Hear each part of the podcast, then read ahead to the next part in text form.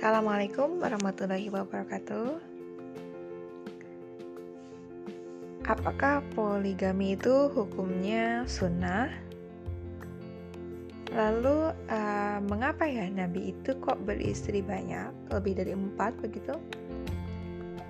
Sementara dalam Al-Quran sendiri pembatasannya hanya sampai empat saja.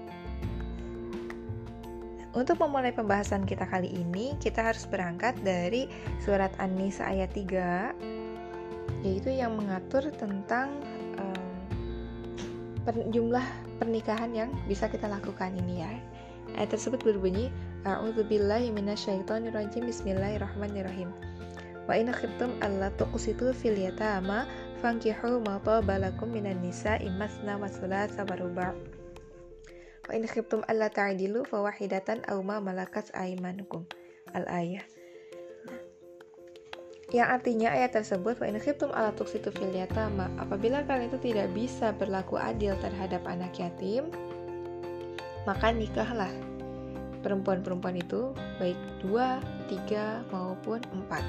Akan tetapi jika kamu tidak bisa berbuat adil, maka nikahilah satu perempuan saja. Nah, memang secara uh, konteks ya, ayat ini tuh bukan berarti perintah untuk umat Islam menikah mau dua, mau tiga, atau mau empat begitu. Tetapi awalnya adalah perintah untuk berlaku adil terhadap harta anak yatim. Jadi ayat ini tuh turun dulunya berkaitan dengan um, beberapa orang sahabat yang mereka itu mengasuh anak yatim. Kemudian uh, anak yatim tersebut tuh kebetulan memiliki harta warisan begitu dari orang tuanya. Nah, tetapi misalnya ya se seorang anak yatim diasuh gitu kan oleh bapak-bapak misalnya. Nah, si anak tersebut kan punya banyak harta warisan. Nah, si bapak tersebut itu tidak tertarik sama sekali dengan anak yatim itu. Dia hanya tertarik dengan hartanya sehingga anak tersebut dinikahi. Dan yatim tersebut tidak diperlakukan dengan baik selama pernikahannya. Bahkan hanya ditunggu sampai dia itu meninggal, sehingga nanti hartanya itu bisa diambil oleh si bapak-bapak tersebut. Nah, ayat itu tuh sebetulnya berkaitan dengan hal tersebut begitu. Jadi eh, perintah ya atau larangan bagi umat Islam untuk um, tidak apa namanya ya perintah untuk memperlakukan anak yatim itu dengan baik dan jangan sampai mereka itu menikahi anak yatim hanya dengan karena alasan ingin hartanya saja begitu. Sementara anaknya tidak diperlakukan dengan baik. Nah itu sebenarnya larangan ke sana. Kalau memang tidak bisa memperlakukan anak yatim dengan baik maka nikahlah dengan perempuan yang lain. Perempuan bebas atau dengan hamba sahaya ya mau dua kayak mau tiga kayak mau empat kayak nah itu maksudnya begitu. Tetapi di akhir ayat jangan lupa di sana disebutkan bahwa apabila kamu tidak bisa berlaku adil maka nikahilah satu saja. Itu yang pertama. Yang kedua kita juga harus paham konteks sosial budaya Arab pada masa itu.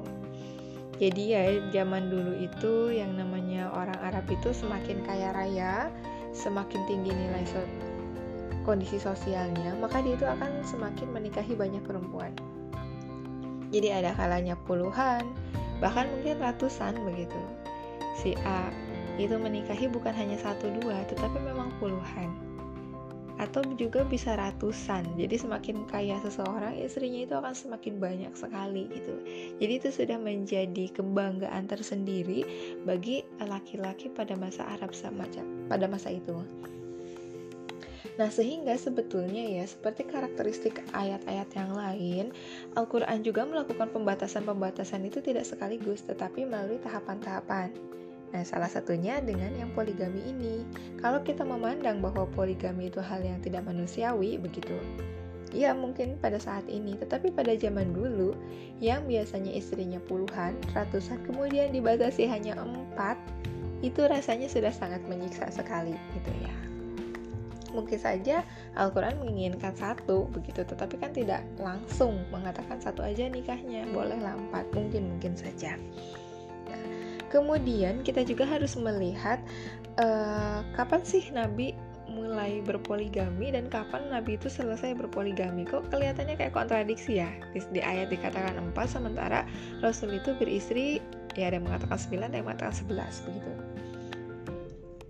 Ternyata Rasulullah itu menikah pertama kali dengan uh, Khadijah selama 25 tahun. Dan selama pernikahan dengan Khadijah, Nabi tidak berpoligami. Nabi itu melakukan monogami, tidak menikah lagi dengan perempuan lain kecuali Khadijah.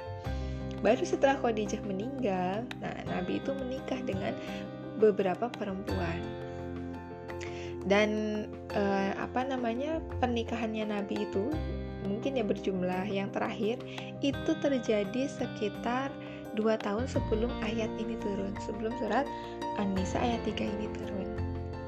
Begitu jadi memang Nabi sudah terlebih dahulu menikah banyak kemudian barulah tuh ayat yang berkaitan dengan uh, apa namanya pembatasan syahwat itu turun. Selain itu um, kita juga harus tahu ya bahwa Nabi itu menikahnya dengan siapa begitu. Tentu di sini Nabi itu tidak menikah dengan perempuan-perempuan cantik yang masih muda, kecuali Aisyah. Jadi semua istrinya Nabi itu adalah janda-janda tua yang beranak banyak pula, begitu. Jadi misalnya ada uh, perempuan yang suaminya gugur dalam perang, nah maka untuk menjaga istri tersebut dan anak tersebut maka oleh Nabi dinikahi. Jadi Nabi bukan hanya sekedar uh, apa namanya ingin mendapatkan teman begitu, tetapi memang Nabi juga bertanggung jawab untuk menjaga uh, si janda tersebut beserta anak-anaknya. Kemudian selain itu beberapa pernikahan Nabi juga itu bermaksud untuk mendekatkan dua kabilah. Ada uh, salah seorang istri Nabi saya lupa namanya, dia itu adalah anak dari um, pembesar Yahudi ya Nah kemudian si istri eh, si apa si anak tersebut itu menjadi tawanan perang.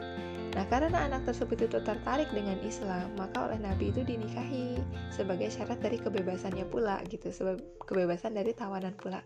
Dan setelah menikah ternyata dua kabilah tersebut memang menjadi akur yang tadinya ya itu ya dari kabilah Yahudi itu selalu melanggar-langgar aturan dari Islam begitu yang ditetapkan oleh Nabi kemudian menjadi hubungannya lebih baik Nah, begitu. Jadi memang ada tujuan-tujuan utamanya kenapa e, Nabi itu e, berpoligami.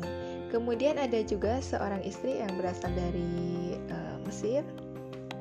Nah, ini juga dia itu sebetulnya merupakan budak. Tetapi oleh Nabi dinikahi supaya dia itu bebas. Jadi ada tujuan-tujuannya loh, semacam membebaskan budak, begitu kemudian menyatukan kabilah, menjaga anak-anak yang begitu banyak supaya tetap tidak kelaparan dan sebagainya. Nah, dari sini kita bisa memutuskan apakah poligami itu hukumnya sunnah gitu.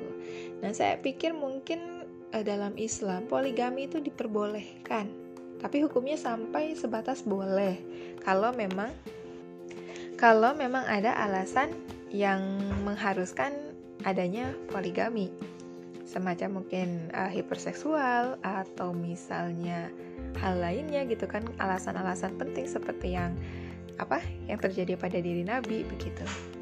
Tetapi uh, saya pikir itu hanya sebatas ya boleh saja tidak sampai pada anjuran apalagi sunnah apalagi sebuah kewajiban. Saya pikir tidak sampai ke sana.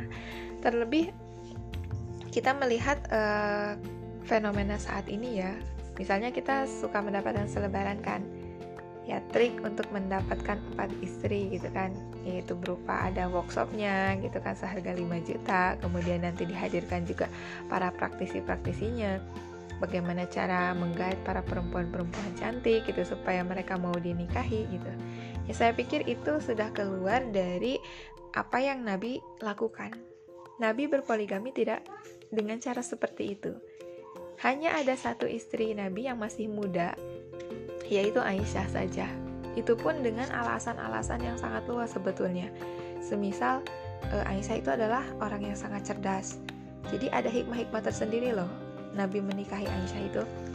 Aisyah itu adalah perempuan yang sangat cerdas sekali dan bahkan beliau itu dikatakan sebagai uh, salah satu sahabat yang meriwayatkan hadis Nabi itu banyak.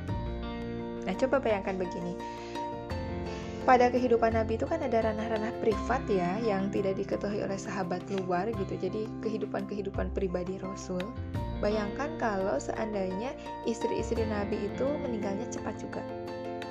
berarti kan hadis-hadis yang mengenai kehidupan pribadi Nabi itu tidak tersampaikan uh, dalam waktu yang panjang begitu. Jadi mungkin saja ada beberapa hadis yang hilang gitu.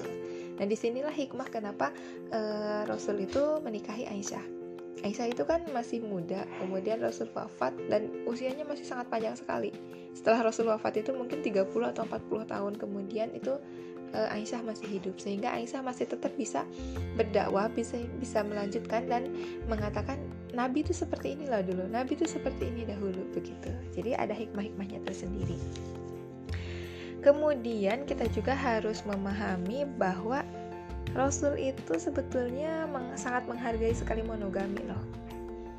Ini terbukti dengan Rasul menikahi Khadijah itu selama 25 tahun itu monogami. Jadi tidak dibarengi dengan menikahi perempuan yang lain begitu. Yang kedua, saat anaknya sendiri yaitu Fatimah akan menikah, Rasul mensyaratkan kepada Ali bin Abi Thalib itu untuk menikahinya secara monogami.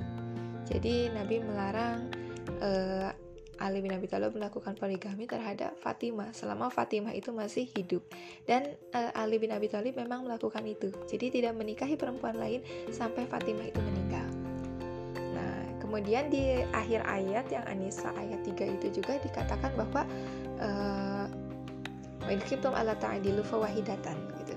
Apabila kalian itu tidak mampu melakukannya secara adil, memperlakukan istri-istri kalian secara adil, maka sesungguhnya nikahilah satu perempuan karena itu adalah yang paling dicintai oleh Allah. Dan demikian mungkin teman-teman. Terima kasih. Assalamualaikum warahmatullahi wabarakatuh.